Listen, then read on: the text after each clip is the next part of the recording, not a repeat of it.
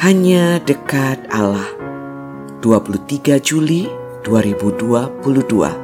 Protes sang guru.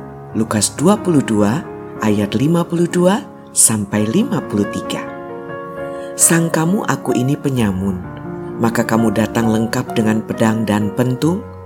Padahal tiap-tiap hari aku ada di tengah-tengah kamu, di dalam bait Allah, dan kamu tidak menangkap aku. Tetapi inilah saat kamu, dan inilah kuasa kegelapan itu. Demikian protes Yesus orang Nazaret kepada imam-imam kepala dan kepala-kepala pengawal bait Allah, serta tua-tua yang bersama-sama menangkap dia. Kata-kata sang guru menukik tajam, sebab para pemimpin agama itu menggunakan pasukan rohani untuk menangkap dia.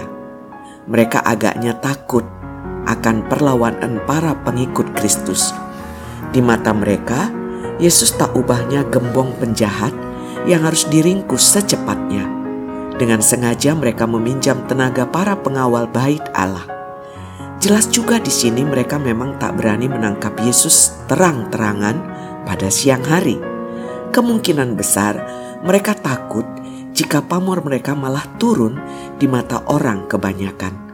Sehingga mereka merasa perlu jaim menjaga citra mereka di depan umat. Dan inilah yang diprotes Yesus. Mereka tak lagi menjunjung citra mereka sendiri sebagai hamba Allah. Menarik pula diperhatikan bagaimana Yesus sang guru menyimpulkan keadaan itu sebagai saat mereka dan berkuasanya kuasa kegelapan. Dalam Alkitab bahasa Indonesia masa kini tertera, tetapi inilah saatnya kalian bertindak saat kuasa kegelapan memegang peranan. Ya, itulah saat kuasa iblis melebarkan sayapnya, menguasai dan memperalat manusia. Salam semangat dari kami, literatur perkantas nasional. Sahabat Anda bertumbuh.